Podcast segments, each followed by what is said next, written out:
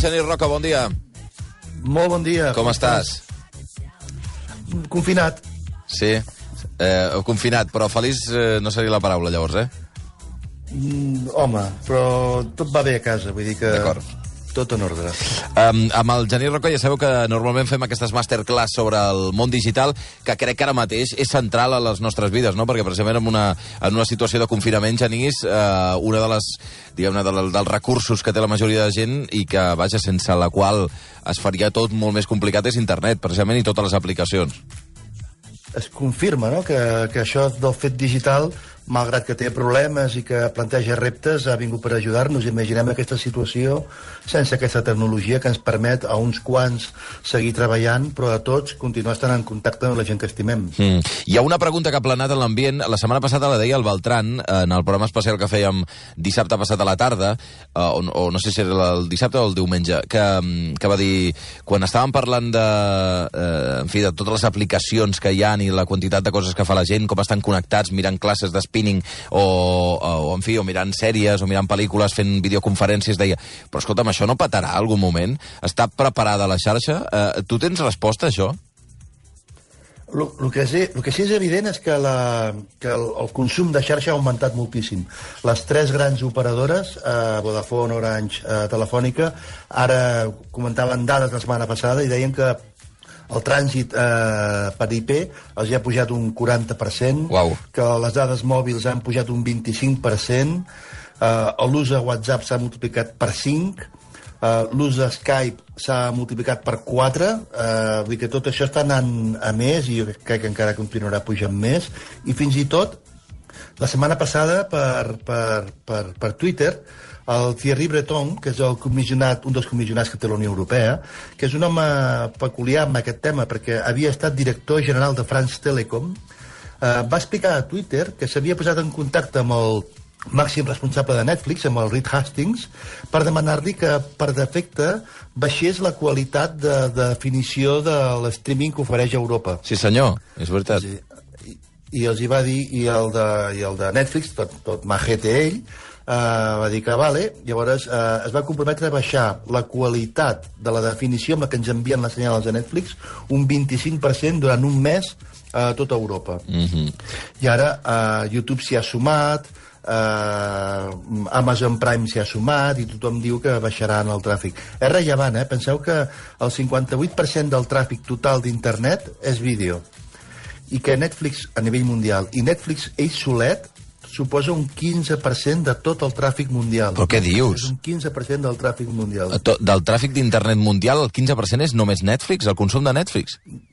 Netflix. És I increïble, YouTube, això. 11 i mig. Vull dir que si els sumes, YouTube i Netflix, estem pel 26-27% del tràfic total d'internet. No ho puc quina, creure. Quina cosa, eh? És una autèntica barbaritat. Hi ha una... fent ràdio, eh? Tothom, tothom mirant vídeo, tu. Sí, sí, sí. Eh, hi ha una persona que, que jo crec que coneix molt bé com funciona internet i quins són els canals pels que circula, eh, i per tant, eh, suposo que li puc preguntar si tot això aguantarà. És el Ramon Roca. Què tal, Ramon? Bon dia. Hola, bon dia. Ell és un dels fundadors de wifi.net, que segur que molta gent coneix, que d'altres potser no, però, però en fi, és, és eh, la fibra, diguem-ne, un dels operadors eh, que, que van aconseguir col·locar fibra pel, pel país. Eh, de, de, ara de seguida m'expliques el projecte, però Ramon, eh, com a coneixedor de, dels canals pels quals circula la xarxa, tu diries que hi ha risc que en algun moment o altre això peti? Bé, risc hi ha, perquè hi ha hagut aquest creixement que estava comentant en, en Genís. Una dada, apuntar-vos, és a dir, en Genís veig que donava dades globals. A Catalunya, el trànsit de Netflix, que nosaltres estem observant, ja de sempre, de normal, és una proporció encara més gran que la que ha comentat. És a dir, que sí que l'àudio i el vídeo és el, el que més estressa la xarxa.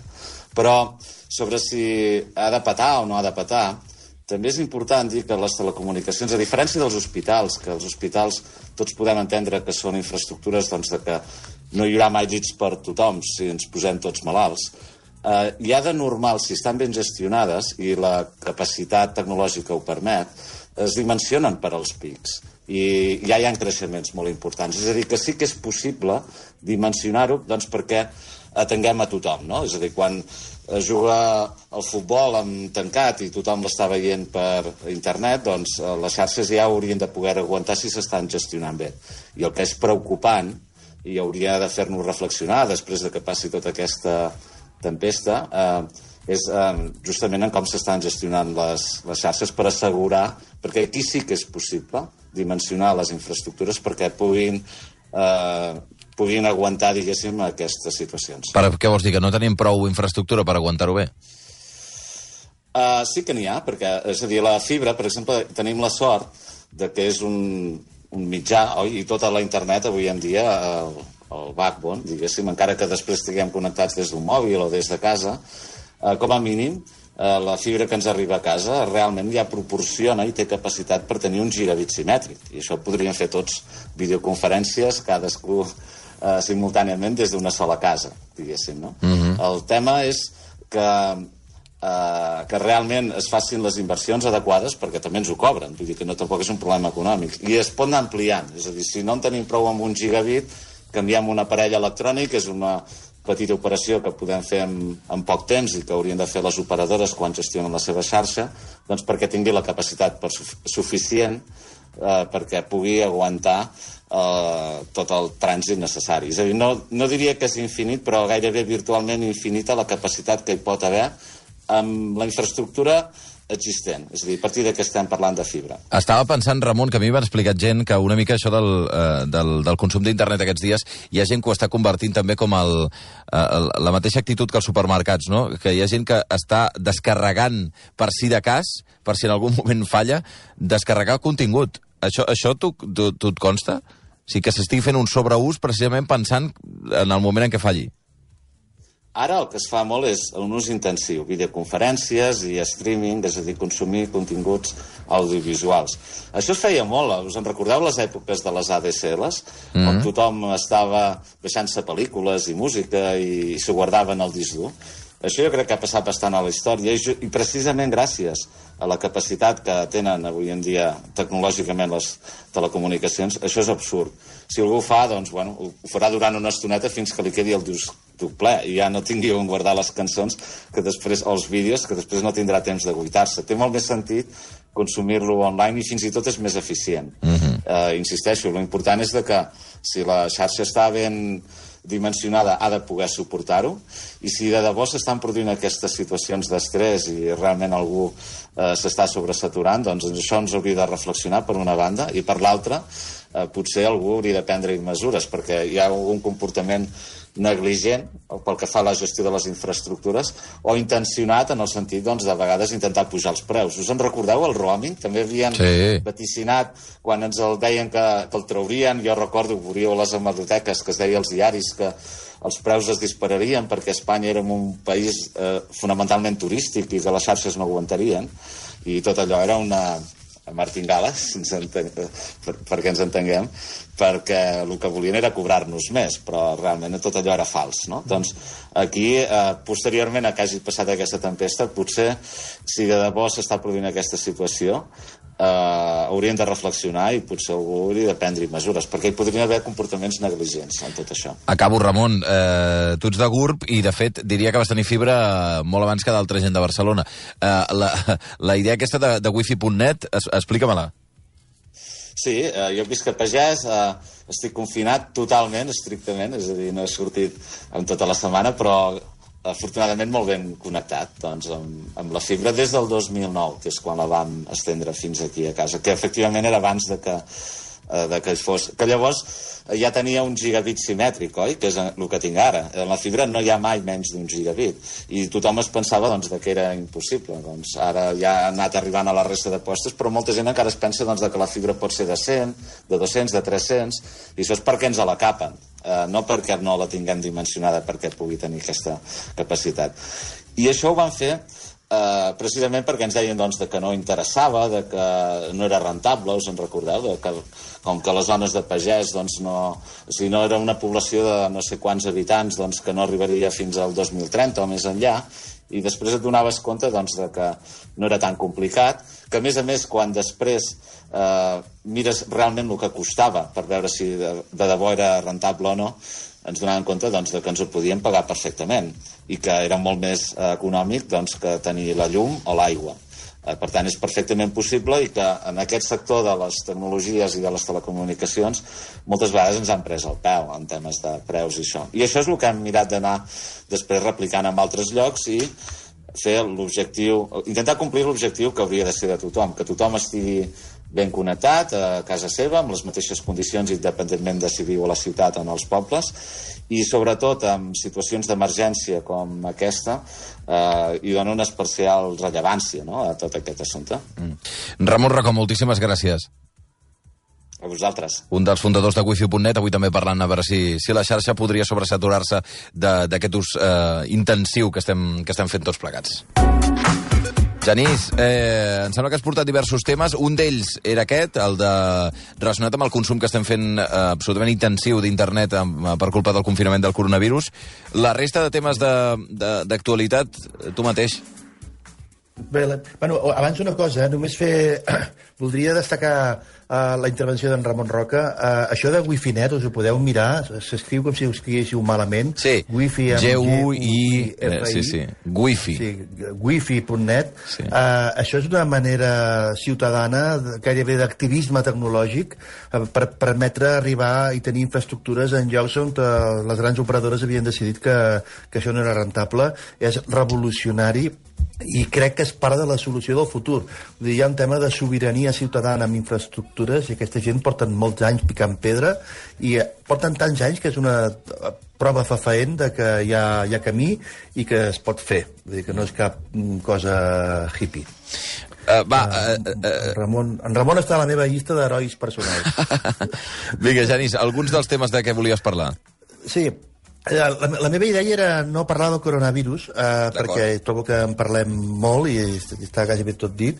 Només una última cosa abans amb això de la crisi, que és que en situacions de crisi és quan realment ens ja juguem el nostre futur. Avui hi ha un article del Yuval Harari a, a, a, a, on te l'ha publicat aquest home? Al, al Financial Times, uh -huh. al Financial, al Financial Times, eh, molt interessant. Ens estem jugant al futur. Per exemple, el govern ja ha anunciat, el govern espanyol, eh, ja ha anunciat que vigilarà els nostres mòbils per detectar aquelles persones que se salten el confinament. Uh mhm. -huh. Telefònica, Orange i Vodafone ja han dit que s'hi posen i que oferiran a l'Estat la nostra geolocalització perquè l'Estat pugui saber els que, els que es, porten, els es porten malament i surten de casa quan tenen ordres de no fer-ho. De moment, diuen que no ens identificaran personalment, que l'únic que fan és detectar... Mira, sembla que a Figueres hi ha molta gent que surt de casa, sembla que a Riu de Llots hi ha molta gent que surt de casa, i que només volen saber on la gent assalta la norma, però no qui.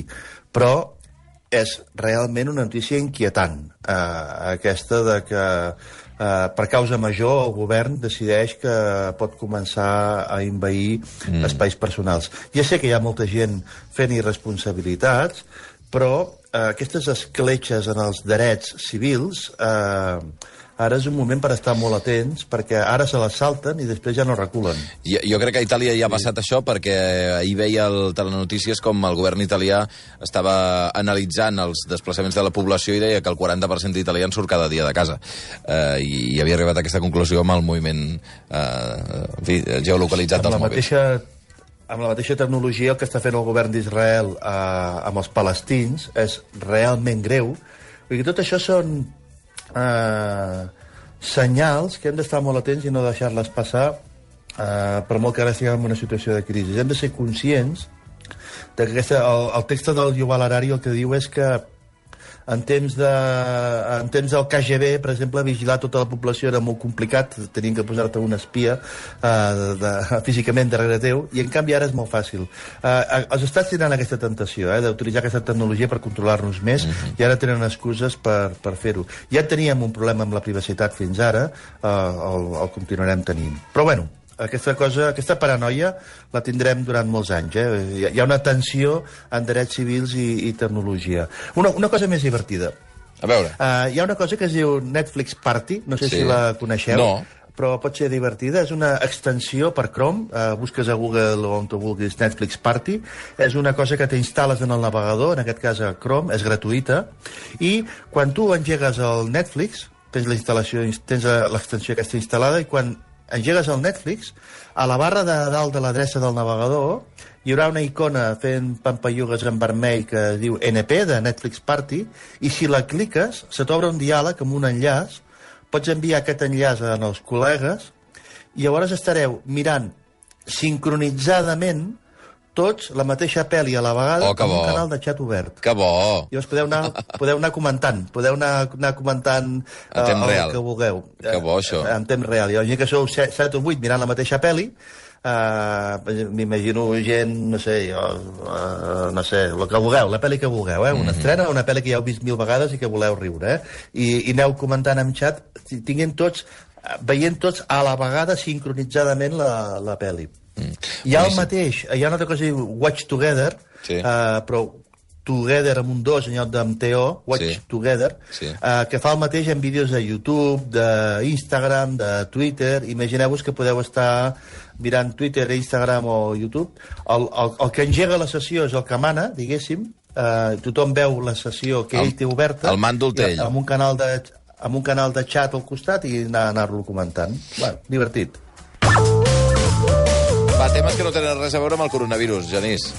Temes que no tenen res a veure amb el coronavirus. Eh, en el Mobile World Congress que es va cancel·lar, Sí. s'havia anunciat una cosa que em va explotar el cap, em va semblar xulíssima, i mira, aprofito per comentar-la, que es diu Wi-Fi sindicada. Què nassos és això de la Wi-Fi sindicada? és la mateixa idea que el roaming, però aplicada a Wi-Fi. És a dir, què passa quan tens roaming? Tu estàs, per exemple, a Espanya eh, i ets usuari, per exemple, de Telefònica, i tu vas fent amb Telefònica, i quan saltes a la frontera de França, allà Telefònica no, no treballa, però té un conveni amb una altra operadora de telecomunicacions, la trucada no es talla, i tu segueixes eh, connectat canviant d'operadora. Eh, S'entén, no? Vull dir, tu Sí, sí. estàs a Espanya, te'n vas cap a França i no se't talla la trucada, no se't tallen les dades, si estàs mirant una pel·li mentre creues per la jonquera no es talla, sinó que hi ha una tecnologia que permet saltar d'una xarxa de telecomunicacions a una altra. Això ho han aplicat a, a, en el wifi, i llavors les wifis que estan sindicades eh, treballen com una sola wifi i tu aniries saltant d'una wifi a l'altra sense perdre la connexió. Això ho tenien pensat i preparat per al Mobile World Congress aquest any i la idea era que la wifi de l'aeroport, la wifi de Sants, la wifi de Fira, on te feien el recinte, etc, fossin tot wifis indicades. Llavors tu arribes a l'aeroport de Barcelona, entres la contrasenya de la wifi i ja no deixes de tenir wifi durant tota la teva Oh. estada a Barcelona. Oh, doncs està molt bé, això, eh? Està molt bé, però ara imagina't que ens féssim, sindiquéssim les wifis de les nostres famílies, que mm. sindiquéssim les wifis, eh, que, que un grup de veïns rotllo wifi-net, que un, que un grup de veïns eh, sindiqués la seva wifi i tot el carrer Borrell de Sabadell tingués wifi sindicada i tu anessis caminant eh, cap al supermercat i deixis sempre en wifi, perquè tots els veïns han sindicat wifi. Aquesta tecnologia posada en mans de quatre hackers, diguéssim, es permetria anar amb wifi tot el dia sense tirar de dades. Ah, No trobes molt xulo? Genís, necessitaré un tema més, perquè estem una miqueta Vinga, fluixos molt de temps. ràpid. Um, uh, hi ha una cosa que es diuen... Uh, ostres, molt ràpid. Uh, hi ha una cosa que es diu biobots, Sí. uh, que també donarà molt de parlar, que són uh, robots totalment orgànics. Es diuen la robòtica suau, i ara que estem en temps de virus, potser és un tema una miqueta delicat. Però, perdona, r- eh, eh, suaus vols dir que, entre cometes, de, de carn? Cèl·lules. En lloc de pensar en robots fets amb ferro, amb plàstic, etc, són cèl·lules. Llavors, el que fan és, han agafat cèl·lules d'una granota, una, una granota molt concreta, una varietat africana de granota, i han fet servir cèl·lules del seu cor i de la seva pell, perquè tenen característiques diferents, les del cor de les de la pell, i han fet servir superordinadors per preveure i modelitzar les reaccions d'aquestes cèl·lules. Això, quan han tingut molt modelitzat la seva reacció, les han agrupat, com si apilessis totxanes en una paret, i de manera que combinant aquestes cèl·lules i preveient quina serà la seva reacció, eh, poden deduir quina és la cosa que faran i la fan fer. Llavors, aquests biobots mesuren mig mil·límetre, viuen, viuen una setmana i els estan fent servir, per exemple, per regenerar ambients contaminats, tractar bessures, tractar deixalles, però també creuen que ho podran fer servir per microcirurgies, nous medicaments, etc. Uh, Biobots. Un concepte estrany, eh? Sí. Biobots. Però, Eh, però haurem d'apuntar-nos-ho, robots no? fets de matèria orgànica. Haurem d'apuntar-nos com una qüestió... Sí. Ens ho han venut molt maco, com si fos una cosa així de, de, de, de, de, de regenerar baixu, bessures i ambients contaminats i medicina, però qui ho paga, això? Qui ha, qui ha finançat aquesta recerca? Ja. L'exèrcit dels Estats Units. Però això sol passar, no, Genís, també, que la, la majoria de tecnologies diuen eh, comencen sent d'ús El gran militar. motor d'innovació del món és l'exèrcit. Mhm. La- les, les, els, grans, els grans focus d'innovació tecnològica eh, que tots teniu al cap, Estats Units i Israel, al darrere tenen grans exèrcits. Sense exèrcit eh, mm, costa tenir un ecosistema d'innovació potent. déu nhi Genís, eh, et, mm, bueno, el mateix que els he dit a tots a la resta, quines ganes d'abraçar-te un altre dia. Però ja, ja ho fèiem quan ens vèiem, imagina't a partir d'ara. Que vagi molt bé, Genís. Igualment. Ànims, a cuidar-se. Cuideu-vos.